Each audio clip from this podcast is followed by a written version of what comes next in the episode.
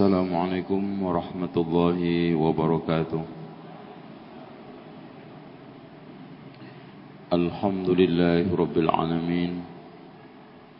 والصلاة والسلام على أشرف الأنبياء والمرسلين محمد وعلى آله وصحبه أجمعين. وبعد. إخوة sekalian sebagaimana yang telah saya sampaikan pada minggu lalu di mana eh, kita akan kedatangan tamu dan kita minta untuk sedikit memberikan tausiah nasihat yang bermanfaat untuk kita agar beragama kita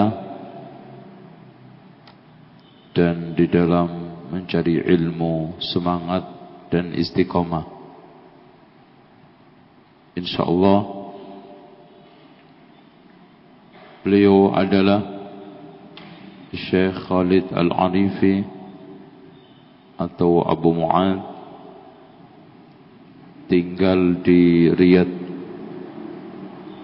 Kegiatan hariannya dalam masalah ma'isha di Saudi Airline dan kegiatan diniyahnya sehari-hari berdakwah di kantor jalian yang mendakwai orang-orang yang baru masuk Islam atau mau masuk Islam. InsyaAllah selama satu jam ke depan beliau akan menyampaikan materi sikap di dalam menghadapi beberapa fitnah kiat-kiat solusi di dalam menghadapi fitnah akhir zaman. Mudah-mudahan materi ini bermanfaat. Fa alaihi falyatafaddal mashkura. السلام عليكم ورحمة الله وبركاته الحمد لله رب العالمين والصلاة والسلام على أشرف الأنبياء والمرسلين نبينا محمد وعلى آله وصحبه أجمعين أما بعد ف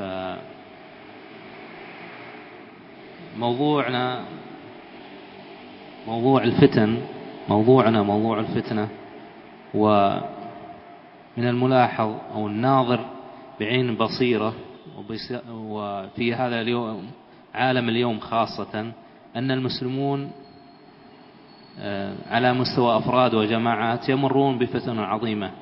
تنوعت أسبابها واختلفت مواضيعها وتعددت مصادرها. فالعقول والأنفس في الأعراض والأموال والأولاد والممتلكات تتضمن في طياتها تحسين القبيح وتقبيح الحسن فتعاظم خطر هذه الفتنة على المسلمين. ولأجل هذا فقد جاء الشرع الكريم بالتحذير من هذه الفتن وشرورها.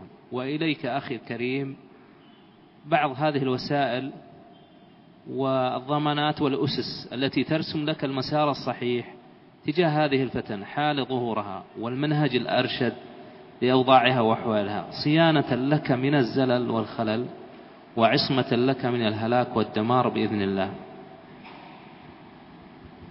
Hadirin sekalian, setelah memberikan mukaddimah, Syekh menyatakan bahwa kita hidup sekarang ini berada di satu zaman yang penuh dengan fitnah. Fitnah yang mengitari kita sangat besar dan beraneka ragam. Yang semuanya siap menghancurkan agama, dunia, dan pribadi seseorang. Siapa yang tidak waspada terhadap fitnah itu, maka dia akan terhempas bersama dengan fitnah. Oleh karena itu, agama baik Al-Quran maupun Sunnah datang memberikan peringatan keras akan bahaya fitnah. Rasulullah Shallallahu Alaihi Wasallam memberikan peringatan-peringatan yang sangat banyak tentang bahaya fitnah tersebut. Semoga kita terhindar dari fitnah-fitnah itu. ويجب أن نعرف أن أفضل البشر محمد صلى الله عليه وسلم مر بالفتن وصحبته الكرام كذلك مروا بالفتن والتابعين والعلماء والدعاة والمصلحين وسائر المسلمين فانتقينا لكم الطريقة الذي كان يعمل بها الرسول صلى الله عليه وسلم وصحبته وكان يعمل بها من بعدهم من التابعين والعلماء والمصلحين. فأول هذه الطرق تحقيق التوحيد الخاص لله سبحانه وتعالى وإفراده جل على بالعبادة. لأن الله سبحانه وتعالى ذكر خلقناكم لنبلوكم أيكم أحسن عملا. فالله سبحانه وتعالى يبتلينا بالعبادة أن نعبده عبادة الصحيحة والله سبحانه وتعالى قال ما أصاب مصيبة إلا بإذن الله. فإذا ابتلينا يجب أن أولا نرجع إلى ربنا سبحانه وتعالى ونوحده بالعبادة. والثانية آه، الوحدة والائتلاف وترك التنازع والاختلاف والاعتصام بكتاب الله والسنة. قال الله سبحانه وتعالى واعتصموا بحبل الله جميعا ولا تفرقوا. وقال الرسول صلى الله عليه وسلم تركت فيكم أمرين لن تضلوا ما إن تمسكتم بهما ما هما؟ كتاب الله وسنتي ولن يتفرقا حتى ولن يفترق حتى يرد على الحوض. فالرسول صلى الله عليه وسلم حثنا في هذه الأمور أن نتمسك بكتاب الله وسنته. فائتلافنا وعدم فرقتنا وعبادة الله سبحانه وتعالى العبادة الصحيحة تجعلنا ننجو من هذه الفتن. Hadirin sekalian, wajib kita ketahui bahwa manusia termulia yaitu Muhammad hidup melalui berbagai macam rintangan, fitnah. Sahabat radhiyallahu anhum juga melalui berbagai macam fitnah.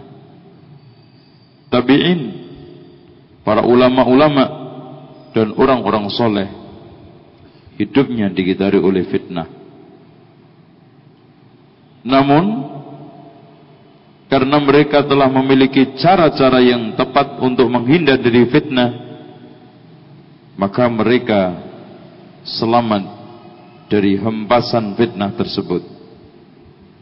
Oleh karena itu di sini saya akan sebutkan beberapa kiat dan faktor.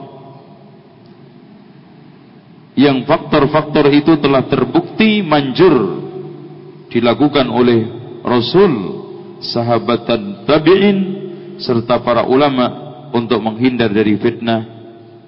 Yang pertama adalah at-tauhid. Tauhid merupakan wasilah sarana yang paling terbaik untuk membentengi diri kita dari fitnah.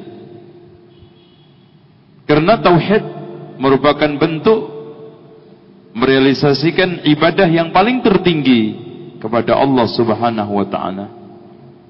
Siapa yang sanggup dan telah merealisasikan ibadah yang tertinggi, maka dia akan terbentengi dari fitnah-fitnah tersebut. Suatu contoh iman kita terhadap takdir. Segala sesuatu yang baik dan yang buruk ditetapkan oleh Allah Subhanahu wa taala. Maka kita akan bersabar di dalam menghadapi apa saja termasuk godaan, syahwat, musibah dan berbagai macam rayuan-rayuan yang akan mengajak kita kepada kegelapan. Dengan kita merealisasikan tauhid, insyaallah Allah Subhanahu wa taala akan menjaga hati kita dengan keimanan yang kokoh, ketakwaan yang sempurna kepada Allah Subhanahu wa taala. Langkah yang kedua adalah merealisasikan kebersamaan dan kerukunan antar ahli sunnah wal jamaah. Ikhwas sekalian, selagi hidup kita jauh dari perpecahan, jauh dari bercerai-berai, bersatu di atas sunnah, insyaallah fitnah akan tumpul dengan sendirinya. Oleh karena itu, Allah Subhanahu wa taala memotivasi kita, wa'tasimu bihablillahi jami'an wa la tafarraqu. Berpegang teguhlah kamu dengan tali Allah Jangan jangan kalian bercerai-belai, pecah belah dan menciptakan perpecahan di dalam agama. Rasulullah SAW juga menegaskan, telah aku tinggalkan di tengah kalian dua perkara. Jika kalian berpegang teguh dengan dua perkara itu, kalian akan selamat, yaitu kitabullah dan sunnah Rasulullah SAW. Dan hal tersebut tidak akan pisah dengan kita sampai melalui sampai kita melalui haud telaganya Rasulullah SAW. Oleh karena itu, Rasulullah SAW menganjurkan kepada kita untuk menciptakan ukhuwah, kebersamaan dan kesatuan hati dan menjauhkan dari berbagai macam perpecahan, percerai, bercerai berai dan pecah di dalam masalah agama. ومن الملاحظ في في بعض إخواننا المسلمين في الوحدة والائتلاف وترك التنازع والاختلاف تجدهم يوجد بينهم بعض النزاعات والتفرق والتحزب والاختلاف بسبب قد تكون بسبب مسائل فقهية. مسائل فقهية وتجد فيها تعصب وتحزب وتجد فيهم بعض التفسيق والتبديع وهذا ما ينبغي. آه، كنا مع علمائنا رحمه الله عاشرنا الشيخ عبد العزيز بن باز رحمه الله والشيخ ابن عثيمين رحمه الله والشيخ صالح الفوزان وفقه الله والشيخ عبد الله بن جبريل وفقه الله الشيخ عبد الرحمن البراك وفقهم الله هؤلاء العلماء ولن نسمع منهم كلمة واحدة في أخيهم المسلم. لا ينقصونه ولا يتكلمون أمام الناس في أعراضهم ولا في أخطائهم بل منهجهم المناصحة الفردية السرية. ليس أمام الناس وإثارة الفتن وإغال قلوب المسلمين على بعض. فهذه من أهم النقاط أن إذا رأيتم من من يبدع الناس ويفسقهم ويتكلم في نيات الناس وماذا يقصدون وماذا غير يقصدون فهؤلاء ندعو لهم بالصلاح والهداية لأنهم خالفوا منهج العلماء.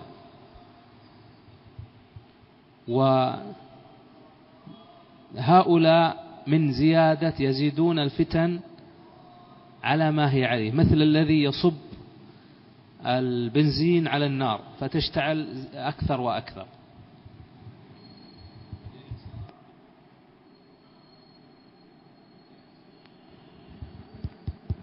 Tes satu.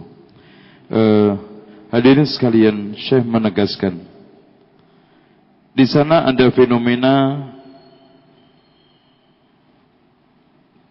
uh, ta'assub terhadap kelompok hizbiyat dan terkotak-kotaknya umat ini kadang-kadang hanya disebabkan karena masalah-masalah fikih bahkan mereka saling membid'ahkan, saling memfasikkan, saling menyalahkan. Wallahi ya ikhwan, kami bersama para ulama-ulama besar di antaranya Syekh bin Baz, Syekh Husaymin, Syekh Fauzan, Syekh Jibrin tidak pernah saya temukan dari lesan-lesan mereka hujatan terhadap manusia, terhadap sesama talabatul ilmi. Bahkan manhaj mereka yang mereka pakai adalah apa pun yang dia lihat dari kesalahan dibangun di atas saling memberikan nasihat saling memberikan uh, tausiah dan menutupi kekurangan-kekurangan tersebut dengan cara-cara yang bagus tanpa harus menimbulkan fitnah. Ini loh sebetulnya manhaj yang benar manhaj yang sahih manhaj yang dikembangkan oleh salafus soleh Adapun orang-orang yang terbiasa mencaci maki, menghujat, mencela sana sini, kita berdoa kepada Allah, semoga Allah Subhanahu wa taala meluruskan dakwah mereka. Karena apa yang mereka lakukan sadar atau tidak telah menyelisihi manhaj Rasulullah SAW dan telah menambah fitnah semakin menyala-nyala. Ibaratnya mereka adalah membakar atau melepas korek di tengah-tengah bensin yang sedang numpah. Dengan demikian, mari kita semuanya hindarkan cara-cara dakwah yang menyelisihi manhaj Rasulullah sallallahu alaihi wasallam. Tidak menambah kecuali keburukan, tidak menambah kecuali perpecahan dan tidak menambah kecuali keruhnya hati. وكذلك في الفتن يجب على المسلم أن يحرص على العبادة والعمل الصالح. قال الرسول صلى الله عليه وسلم في الحديث العبادة في الهرج كهجرة إلي. فيجب المسلم أن يتمسك بالعبادة. لا يترك العبادة بسبب أنه قليل أو واحد أو ليس هناك جماعة بل يلجأ دائما إلى الله بالعبادة. وأنواع العبادة كثير منها المحافظة على الصلوات والطاعات. والصيام والذكر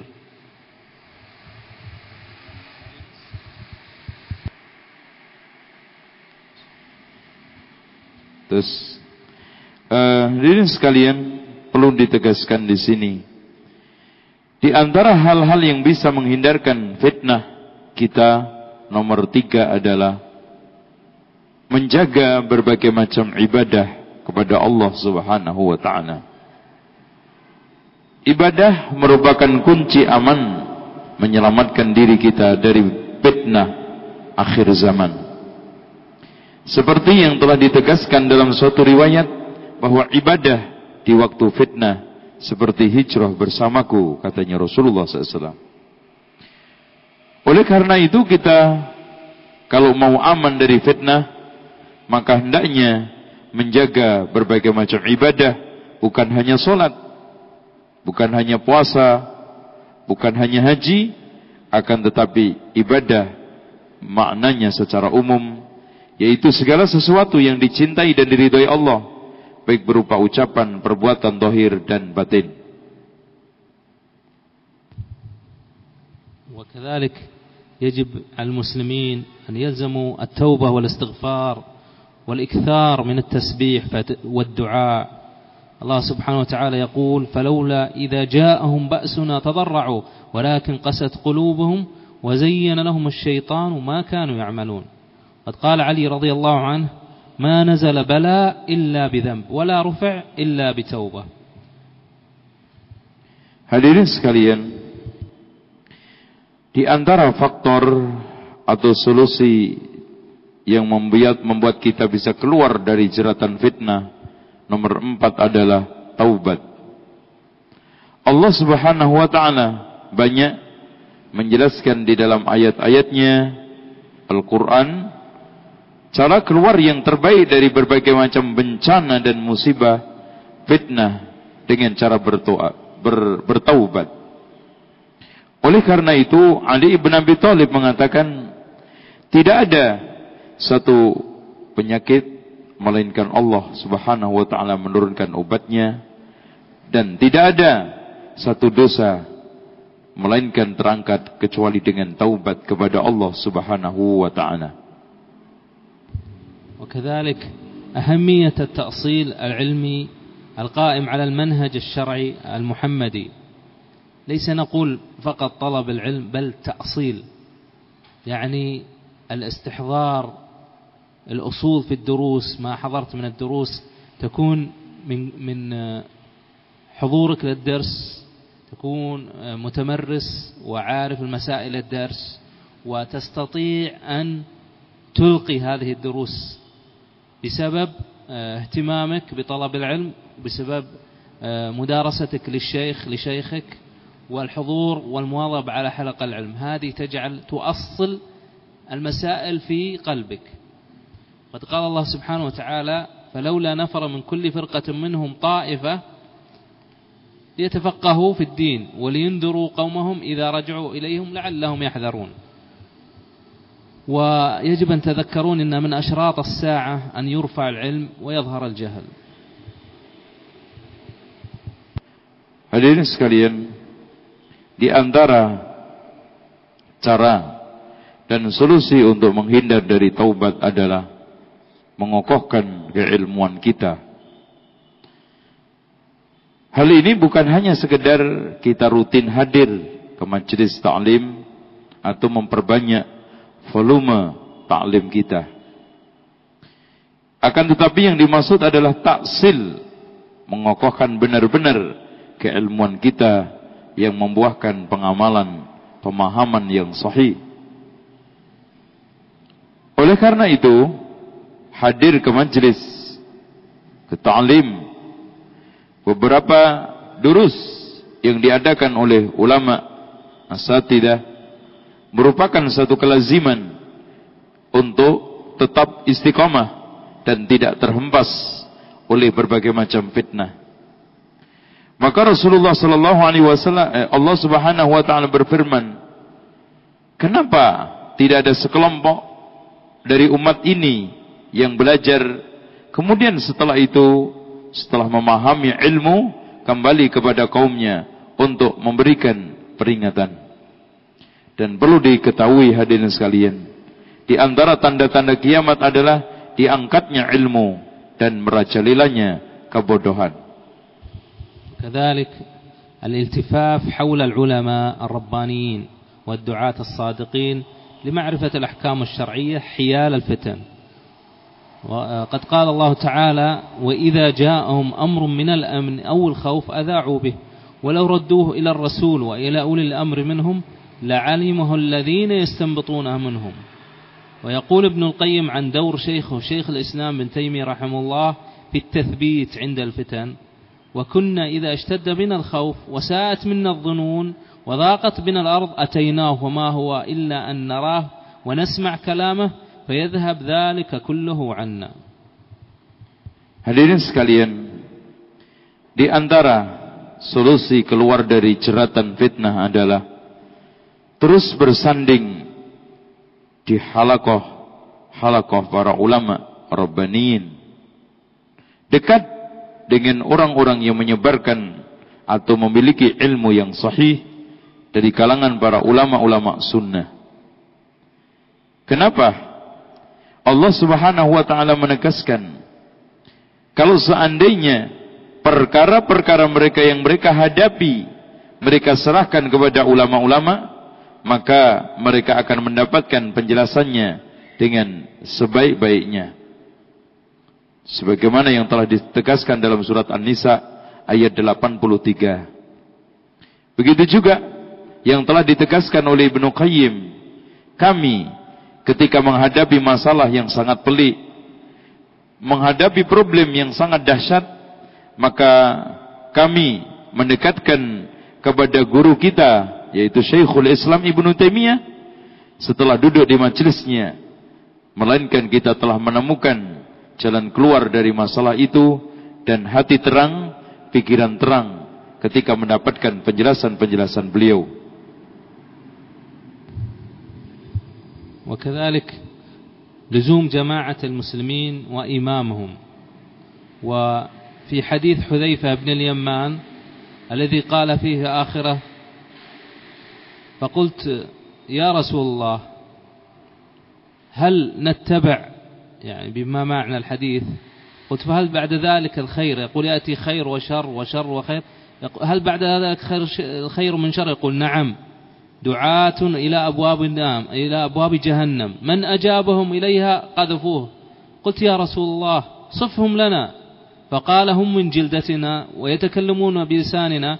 قلت فما تأمرني أن أدركني ذلك؟ قال تلزم جماعة المسلمين وإمامهم. قلت فإن لم يكن لهم جماعة ولا إمام قال فاعتزل تلك الفرق كلها ولو أن تعض بأصل شجرة حتى يدركك الموت وأنت على ذلك فلاحظوا محمد صلى الله عليه وسلم كيف يريد أن يحافظ على المسلم حتى ينجو بنفسه ويدخل الجنة Hadirin sekalian, di antara solusi tepat di dalam menyelamatkan diri dari bahaya fitnah akhir zaman tetap konsisten di atas jamaah kaum muslimin Hal ini sebagaimana yang telah digambarkan oleh Rasulullah sallallahu alaihi wasallam di dalam hadis Hudzaifah Ibnu Yaman ketika beliau menanyakan tentang keburukan. Semua manusia menanyakan kebaikan. Hadis yang panjang apakah setelah kebaikan ini ada keburukan? Setelah keburukan ada kebaikan. Setelah kebaikan ada keburukan sampai Rasulullah SAW menjawab na'am di sana ada dai-dai yang mengajak kepada neraka jahanam. Siapa yang mengumpulkan, maka dia akan masuk ke dalam neraka jahanam. Maksudnya akan dilempar ke dalam neraka jahanam. Lalu Hudzaifah bin Yaman bertanya, "Ya Rasulullah, sebutkan siapa mereka?" Rasul menyatakan, "Mereka seperti kulit kita dan berbicara dengan bahasa kita." Ketika dalam kondisi seperti itu, apa yang kau perintahkan ya Rasulullah katanya Hudzaifah, engkau harus konsisten di atas taat kepada imam dan tetap di atas jamaah kaum muslimin. Maka Hudzaifah menanyakan lagi kalau seandainya tidak ada imam dan jamaah, maka Rasulullah SAW memberikan satu penjelasan, tinggalkan semua firqah-firqah tersebut dan gigitlah akar-akar pohon dalam kondisi seperti itu sampai engkau dijemput oleh kematian tetap dalam kondisi tersebut. وثامنا تحقيق مبدأ الأخوة الإسلامية في الله وقد قال رسول الله صلى الله عليه وسلم لا يؤمن أحدكم حتى يحب لأخيه ما يحب لنفسه فماذا تحب لأخيك تحب لنفسك الخير النجاة الفوز بالجنة يجب أن تعود نفسك عن تحب لأخيك ما تحب لنفسك Hadirin sekalian, sesuatu yang paling terpenting untuk menghindar dari fitnah berikutnya nomor delapan adalah merealisasikan ukhuwah imaniyah yang sejati. Rasulullah sallallahu alaihi wasallam menegaskan tidaklah seorang di antara kalian beriman sehingga mampu mencintai di mampu mencintai saudaranya seperti mencintai dirinya sendiri. Kalau seandainya dasar ukhuwah ini kita ciptakan dalam kehidupan kita sehari-hari, kita mampu mencintai saudara kita seperti mencintai diri kita sendiri, maka kita akan terselamatkan dari hembasan fitnah akhir zaman. Dengan demikian, merealisasikan ukhuwah yang sejati di atas agama Allah merupakan syarat mutlak aman dari fitnah. وتاسع التأني والرفق وعدم العجلة حال الفتن مما يجعل المسلم يبصر حقائق الأمور بحكمة ويقف على خفاياها وابعادها وعاقبها قد قال رسول الله صلى الله عليه وسلم ما كان الرفق في شيء إلا زانه ولا نزع من شيء إلا شانه. فانظر إلى نفسك يا أخي كم كان من الأمور الذي تعجلت فيها بنفسك في حياتك تمنيت أنك لم تفعل ذلك الذي فعلت بسبب العجلة. فالتأني في حال الفتن لا تكون ردود أفعال فقط. يجب أن نتأنى ونسأل العلماء والدعاة والمصلحين ونتخذ القرار الصحيح ثم على ضوئها نعمل Hadirin sekalian, cara yang kesembilan, cara aman untuk menghindar dari fitnah adalah bersikap hati-hati, tidak tergesa-gesa di dalam memutuskan langkah-langkah. Hendaknya setiap ucapan kita, perbuatan kita dan langkah kita, kita pikirkan dengan matang dan kita hiasi dengan hikmah.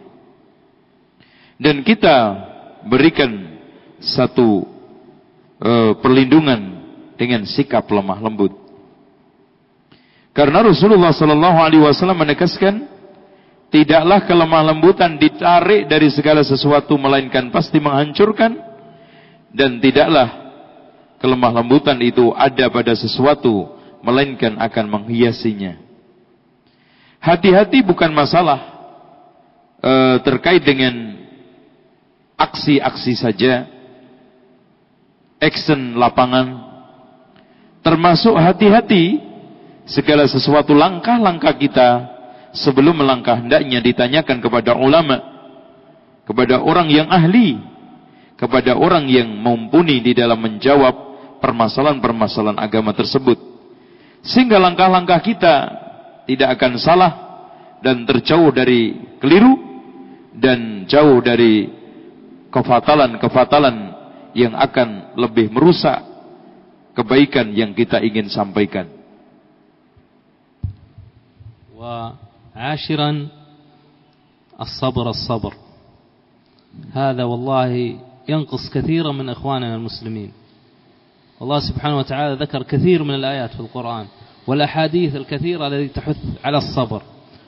وقال الله سبحانه وتعالى ولنبلوكم ولنبلونكم بشيء من الخوف والجوع ونقص من الأموال والأنفس والثمرات وبشر الصابرين الذين إذا أصابتهم مصيبة ماذا قالوا؟ قالوا إنا لله وإنا إليه راجعون أولئك عليهم صلوات من ربهم ورحمة وأولئك هم المهتدون.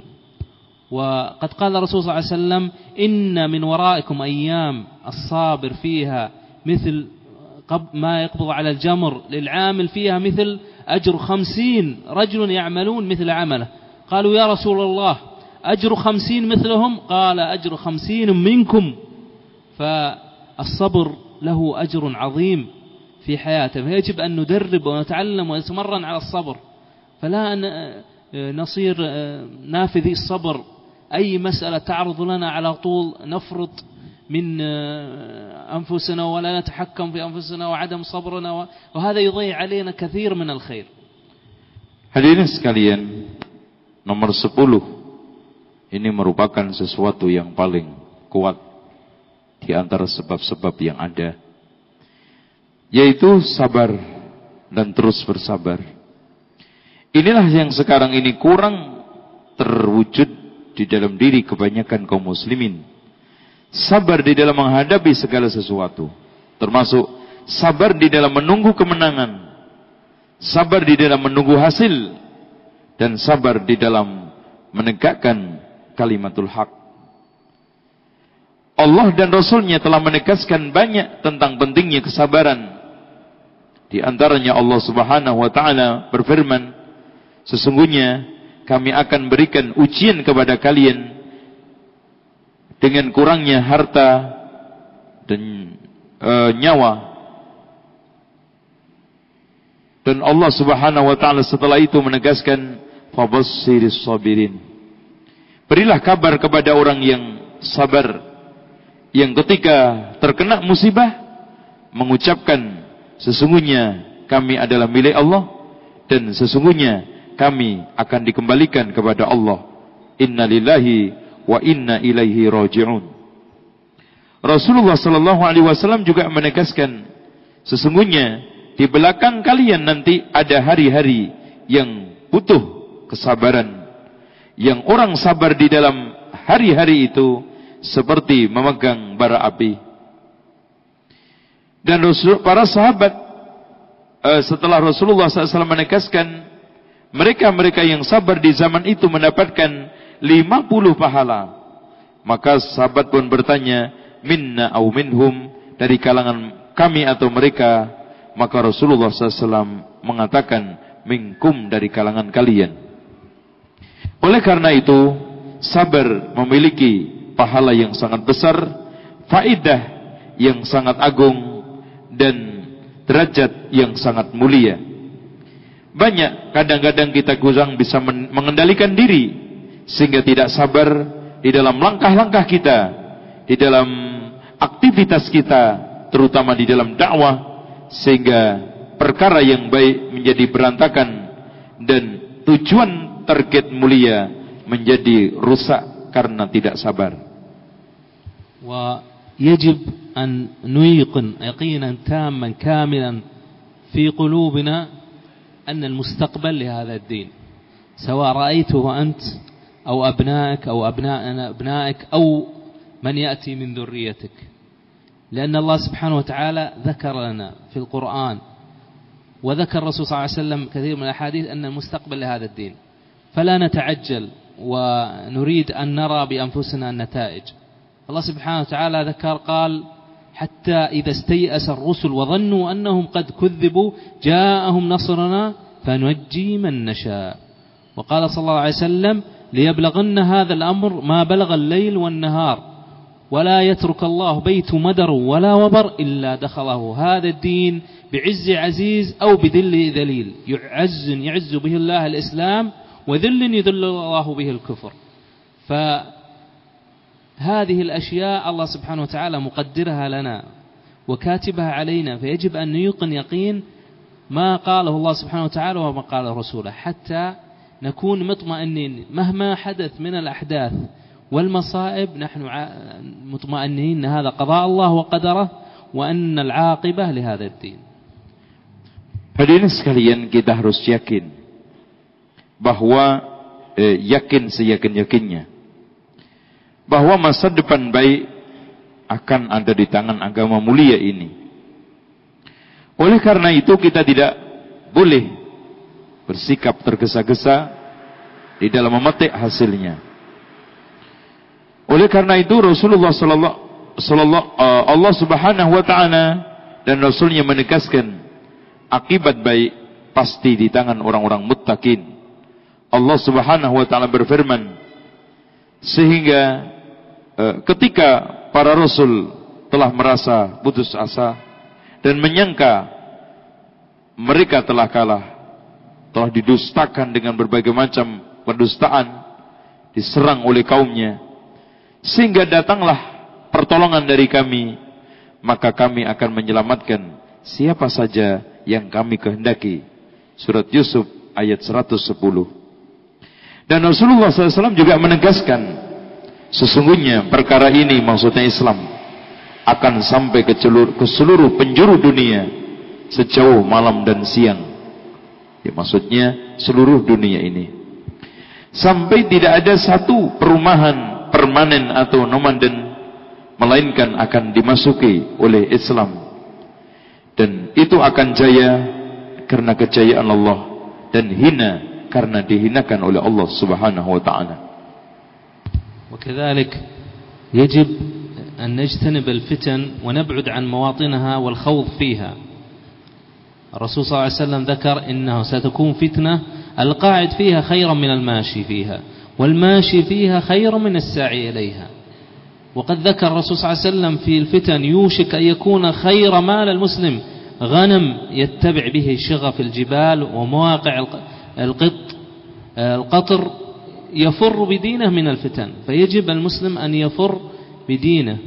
وكذلك الحذر من النفاق وأهله خاصة في أوقات الفتن والتي تزداد فيها شكو شكوكهم وأكثر فيهم فتن فتنتهم ويكتبون في الصحف ويتكلمون في وسائل الإعلام وفي الدين وأهله.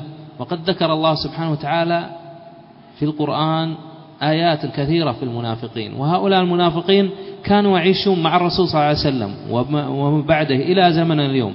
قال تعالى لو خرجوا فيكم ما زادوكم إلا خبالا ولا أوضعوا خلالكم يبغونكم الفتنة وفيكم سماعون لهم والله عليم بالظالمين. Hadirin sekalian, di antara cara yang bagus untuk menghindar fitnah adalah melarikan diri dan menjauh dari sumber-sumber fitnah atau hal-hal yang memicu yang menimbulkan fitnah. Rasulullah sallallahu alaihi wasallam menegaskan di dalam hadis yang sahih akan terjadi fitnah seperti malam pekat. Orang yang menghadapinya dengan duduk lebih baik daripada yang berdiri. Berdiri lebih baik daripada yang berjalan dan yang berjalan lebih baik daripada yang berusaha. Siapa yang mendekatinya pasti hancur. Rasulullah sallallahu alaihi wasallam juga menegaskan di zaman fitnah nanti sebaik-baik harta orang muslim adalah kambing yang dikembala di padang-padang gembala rumput dia melarikan dengan itu untuk menyelamatkan agamanya dengan demikian. Kita harus menghindar dari berbagai macam sumber-sumber fitnah. Di antaranya adalah munafik. Terutama di akhir zaman ikhwan, orang munafik sangat merajalela. Mereka dengan halus, licin dan licik menyebarkan racun-racun fitnah lewat tulisan-tulisan, makalah-makalah yang mereka tulis di koran majalah dan buku-buku. Seperti yang telah digambarkan oleh Allah Subhanahu wa taala tentang keluarnya orang-orang munafikun ke perang mereka tidaklah keluar ke medan perang kecuali menambah ruwet dan masalahnya masalah kamu Muhammad. Seakan-akan dia keluar menulis di dalam tulisan membela Islam, tetapi di balik itu penuh dengan racun-racun yang menghancurkan, merusak Islam itu sendiri. Dengan demikian, mari kita hindarkan diri kita dari munafikin dengan menengarai sifat-sifat karakter-karakter yang telah ditegaskan oleh Rasulullah SAW di dalam beberapa hadisnya. كذلك الرجوع إلى كتاب الله سبحانه وتعالى وتلاوته ومدارسة الآيات وتتبر ما فيها من العظات فهي تعين على تثبيت القلوب حال الأزمات. وقد الله وقد قال الله سبحانه وتعالى لرسوله محمد صلى الله عليه وسلم في كتاب العزيز في سورة هود وكل نقص عليك من أنباء الرسل ما نثبت به فؤادك وجاءك في هذا الحق وموعظة وذكرى للمؤمنين. فهذا رسول الله صلى الله عليه وسلم الله سبحانه وتعالى يدارسه في القرآن ينزل عليه القرآن حتى يثبت فؤاده.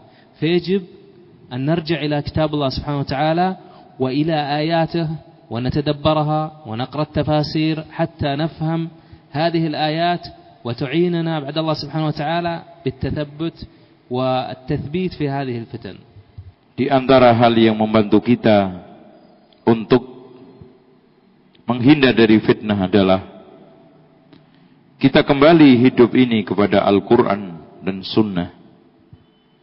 Kepada Al-Quran dengan cara membaca, merenungkan, tadabbur, mempelajari tafsirnya, dan mengamalkan isinya.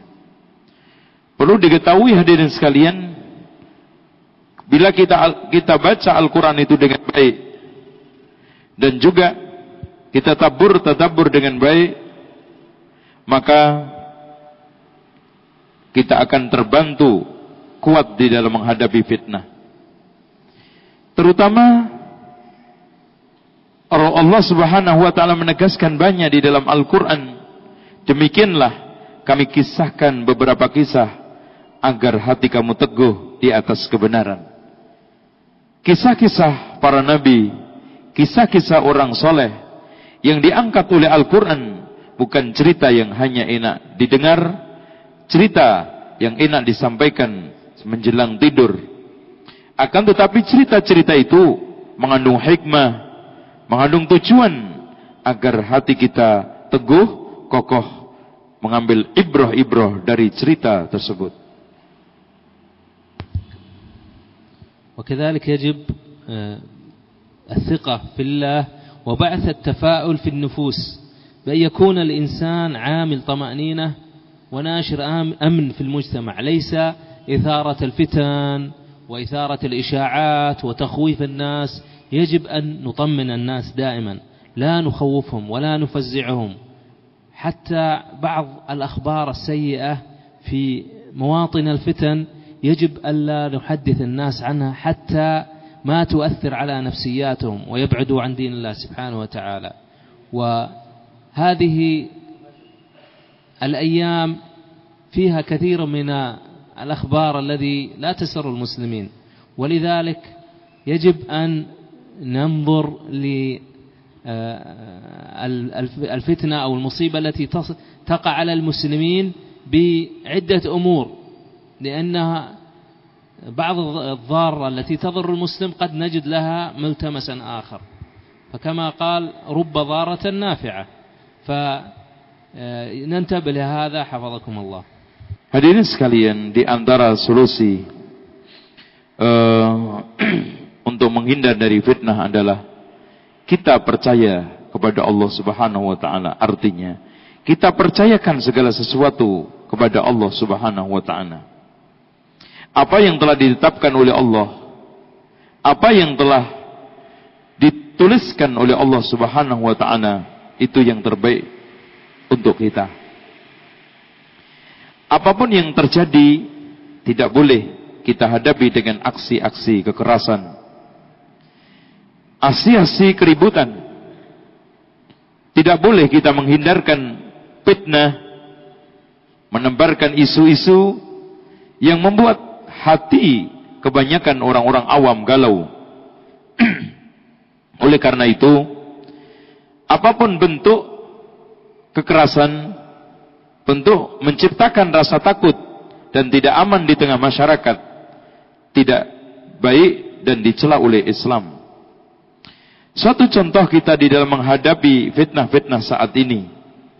Hendaknya kita hadapi dengan kehati-hatian, percaya kepada Allah dan tanpa menghadapinya dengan cara-cara emosional, frontal sehingga menimbulkan bahaya yang lebih berat, ya, fitnah yang lebih besar berat. Dan apapun yang terjadi seperti yang dikatakan oleh pepatah, berapa banyak barang-barang yang berbahaya tetapi akhirnya bermanfaat buat manusia. Artinya sesuatu yang kita anggap tidak enak, pahit, akhirnya bermanfaat untuk kita. وكذلك يجب أن نتواصى بالأمر بالمعروف والنهي عن المنكر وقد قال الله سبحانه وتعالى وما كان ربك ليهلك القرى بظلم وأهلها مصلحون. وإن الناس كما قال الرسول صلى الله عليه وسلم إن الناس إذا رأوا المنكر فلم يغيروه أوشك الله أن يعمهم بعذاب من عنده. فيجب أن يكون عندنا حكمة في الأمر بالمعروف والنهي عن المنكر. لا نصطدم بالناس ونكرههم على ترك المنكرات لأننا ليس آه، السلطة. أو الحكومة الذين نستطيع لنا يجب أن ننظر الحديث الرسول صلى الله عليه وسلم درجات الإنكار الثلاث. إن كنت تستطيع فبيدك فإن لا تستطيع فبلسانك فإن لا تستطيع فبقلبك وذلك أضعف الإيمان. و آه، الحمد لله الآن آه، الأزمان فيها الكثير من الوسائل التي تجعلنا نستطيع الإنكار بوسائل وطرق مناسبة. إذا لا تستطيع تكلم الشخص الذي صاحب المنكر آه، قد تترك له رسالة قد تهاتفه بالهاتف بالتلفون قد ترسل له رسالة عن طريق الجوال والآن الحمد لله رسائل في كل مكان تناصحه بالحسنى Hadirin sekalian, di antara cara yang paling tepat untuk menghindar fitnah berikutnya adalah menegakkan amar ma'ruf nahi mungkar di tengah masyarakat. Rasulullah SAW telah menegaskan siapa yang melihat kemungkaran kemudian tidak merubahnya, maka hampir-hampir Allah akan menimpakan azab merata buat mereka. Namun tolong dicamkan amar ma'ruf dan nahi mungkar ada kaidahnya. Hendaknya kita jalankan penuh dengan hikmah dan tidak melakukan berbagai macam aksi-aksi yang menimbulkan dampak negatif yang lebih banyak. Hendaknya reaksi-reaksi amar ma'ruf nahi mungkar tidak menimbulkan mandorot yang lebih besar sehingga konfrontasi dengan orang-orang awam yang akan membahayakan masa depan dakwah. Hendaknya sikap kita di dalam menghadapi kemungkaran seperti yang telah disifatkan oleh Rasulullah. Siapa di antara kalian melihat kemungkaran, hendaklah dia rubah dengan tangannya.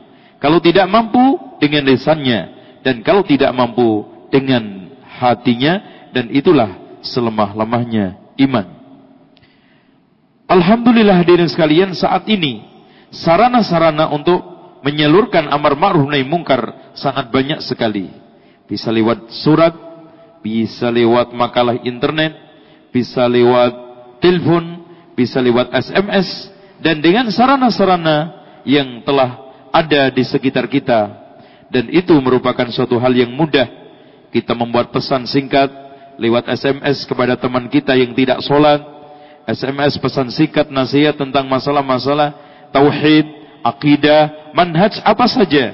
Bahkan kita sebarkan kepada yang kita kenal dan tidak kita kenal merupakan sesuatu yang baik asalkan dengan bahasa yang santun, bagus tanpa ada hujatan, celaan yang akhirnya menimbulkan madarat yang lebih besar.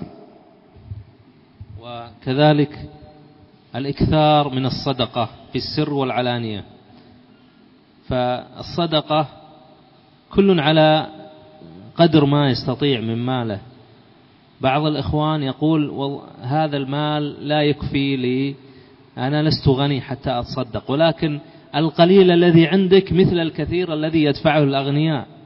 فالرسول صلى الله عليه وسلم قال أكثروا من الصدقة في السر والعلانية ترزقوا وتنصروا وتجبروا وقال صلى الله عليه وسلم صنائع المعروف تقي مصارع السوء وقال صلى الله عليه وسلم وصدقة السر تطفي غضب الرب Hadirin sekalian, di antara cara yang tepat untuk menghindar dari masalah fitnah za akhir zaman adalah memperbanyak sodakoh.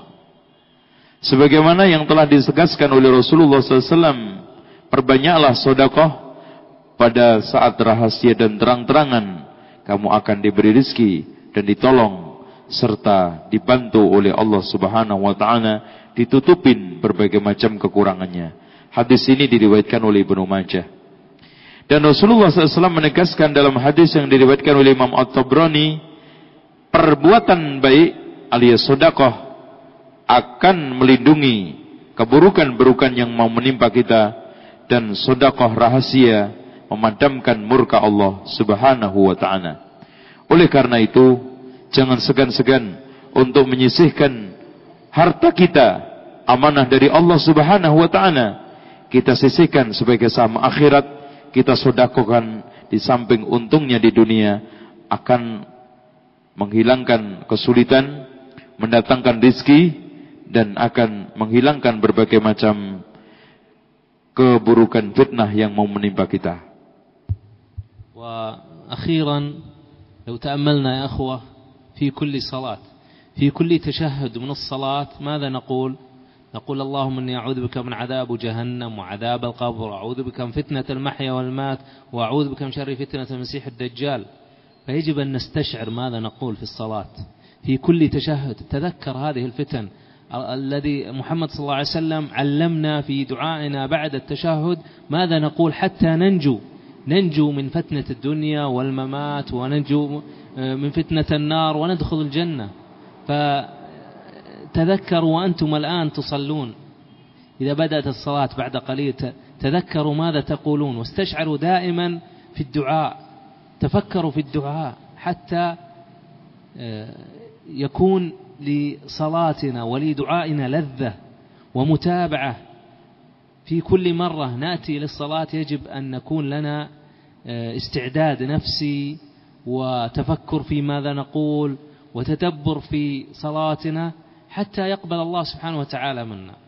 وأشكركم أخيرا على حسن استماعكم وأظن فيه وقت للأسئلة بعد الترجمة. طيب.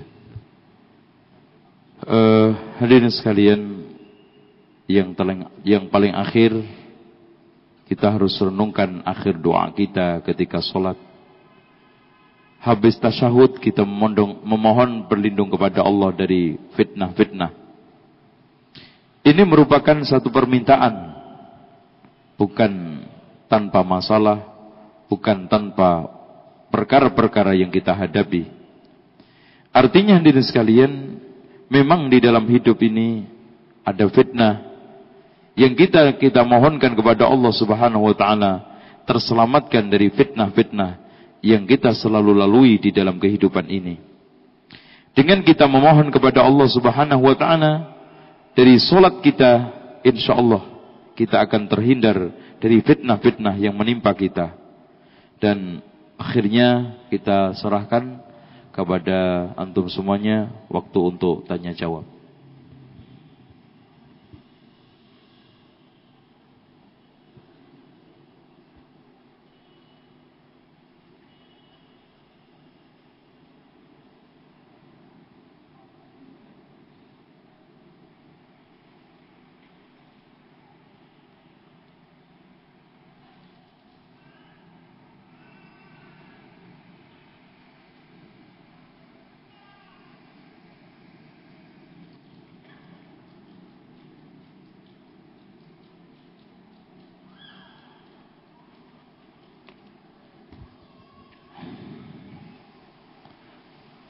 Pertanyaan pertama, tolong dijelaskan tentang tata cara sholat. Oh, sholat. Iya.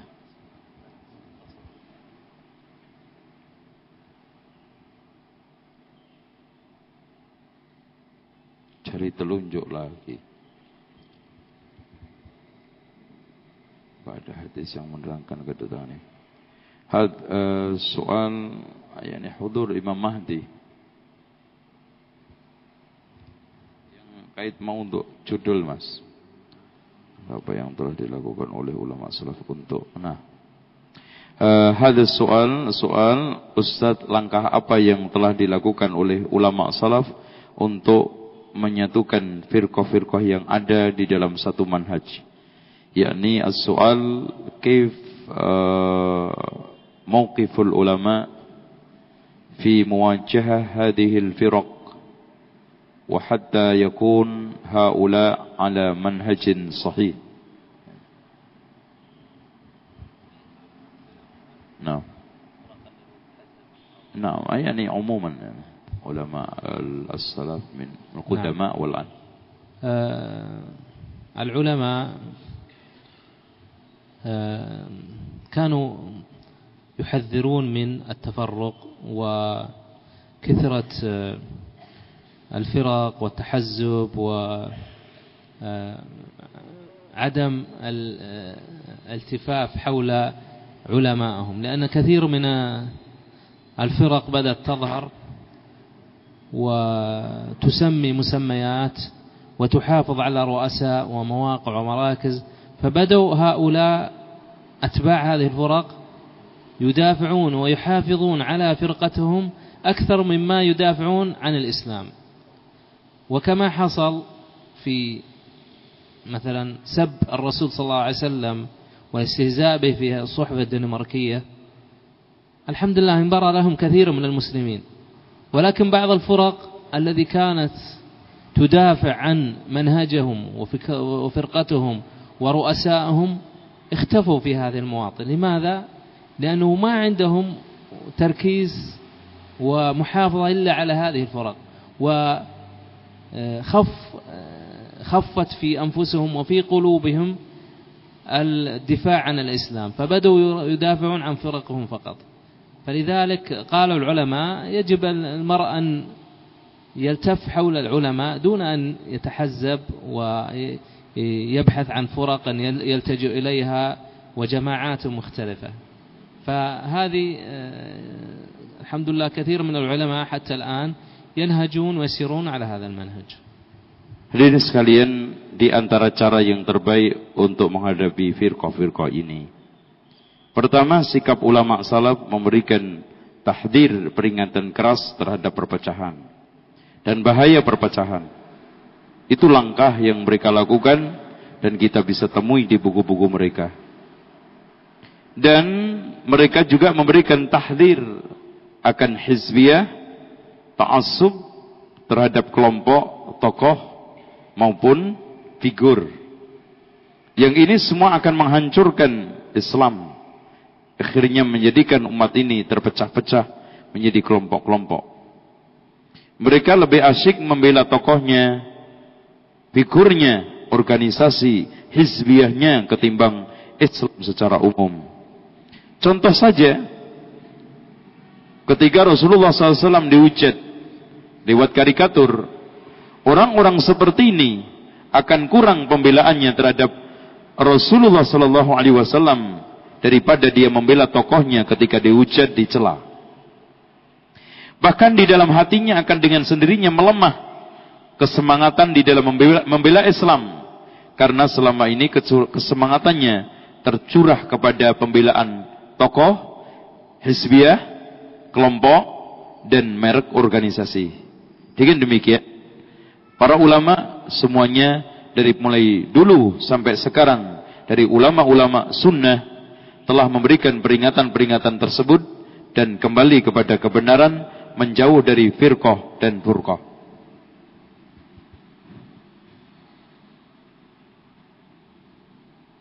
Bila tidak ada imam dan jamaah maka tinggalkan.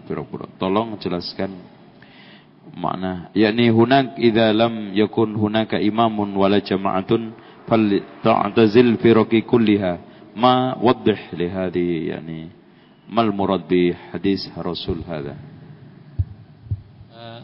المراد بعض الناس يلتبس عليه ويلتمس عليه خاصة في الأزمان الذي لا يوجد فيها وسائل اتصال ولا علماء ولا طلبة علم يوضحون لهم فالمراد فإذا التبس عليه ولم يعرف الحق ويرى في هؤلاء جماعات إنهم على باطل ويتأكد ويتثبت إنهم على باطل فإنه من الأفضل له أن يكون على كتاب الله وسنة وسنة رسوله أفضل بقاء وحيدا أفضل من التجمع والتحزب بهذه الجماعات التي تدعي أنها على طريقة صحيحة Hadirin sekalian makna hadis tersebut ketika kita dalam kondisi fitnah, kekaburan, memilah antara jamaah-jamaah itu semakin tidak jelas arahnya, bahkan dipenuhi dengan berbagai macam hizbian, ta'assub, maka hendaknya kita tinggalkan semua jamaah. Dan imam juga tidak jelas. Yang kita uh, imam muslim yang memenuhi syarat sesuai telah, uh, yang ditegaskan oleh Rasulullah SAW juga tidak ada, maka kita harus tinggalkan imam-imam dan juga jamaah tersebut. Dan yang tepat kembali kepada ulama-ulama yang fikih menanyakan agama, merujukkan masalah agama kepada mereka. Itulah yang ditegaskan oleh Allah juga, tanyakan kepada yang ngerti kalau kamu tidak tahu. Uh, As-soal ma mauqiful ulama as-salaf nahwa al-yahud al-musta'mirina fi Palestina. Uh, maaf karena azan sudah tiba. Insyaallah, nah azan. Insyaallah kita lanjutkan tahun depan. Mudah-mudahan Syekh bisa ke sini lagi dan uh, pertanyaan-pertanyaan yang sudah antum ajukan barangkali nanti kita jawab di majelis setiap Kamis di masjid yang mulia ini dan saya berharap apa yang antum dengar dan antum tangkap kali ini betul-betul membuahkan ilmu yang menerangi hidup kita, membuahkan amal yang menghiasi tingkah laku kita. Aku lu qouli hadza wa astaghfirullahaladzim innallaha al-ghafurur rahim. Subhanakallahumma hamdika asyhadu an la anta wa atubu ilaik. Wassalamu alaikum warahmatullahi wabarakatuh